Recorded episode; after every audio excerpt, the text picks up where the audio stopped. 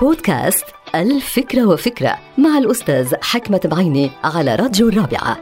اليوم بدي أحكي عن مبدأ الزيادة بالإنجليزي increment. الزيادة هي المقدار أو الدرجة اللي بتغير فيها الشيء من الأسفل إلى الأعلى ومن الأصغر إلى الأكبر. هالزيادة ولو كانت صغيرة تؤدي إلى إضافات متتالية وحركة تصاعدية إيجابية. علمتني الحياة أن الزيادة لا تأتي إلا لمن يستحق هذه الزيادة ولو بإضافات بسيطة ولفترة طويلة من الزمن مثل ما بينمى الطفل جسديا وبيزداد حجمه شيئا فشيئا من خلال عملية من التغذية والحركة والطاقة المتبادلة يزداد أيضا الإنسان معرفة من خلال مجموعة إضافات يومية إلى علاقة بالقراءة والمشاهدة والملاحظة والتدقيق والاستنتاج.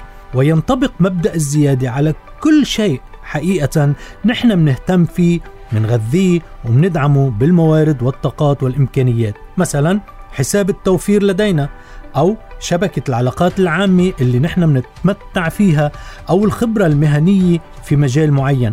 كل هودي بحاجة لزيادة يومية ولو بإضافات بسيطة.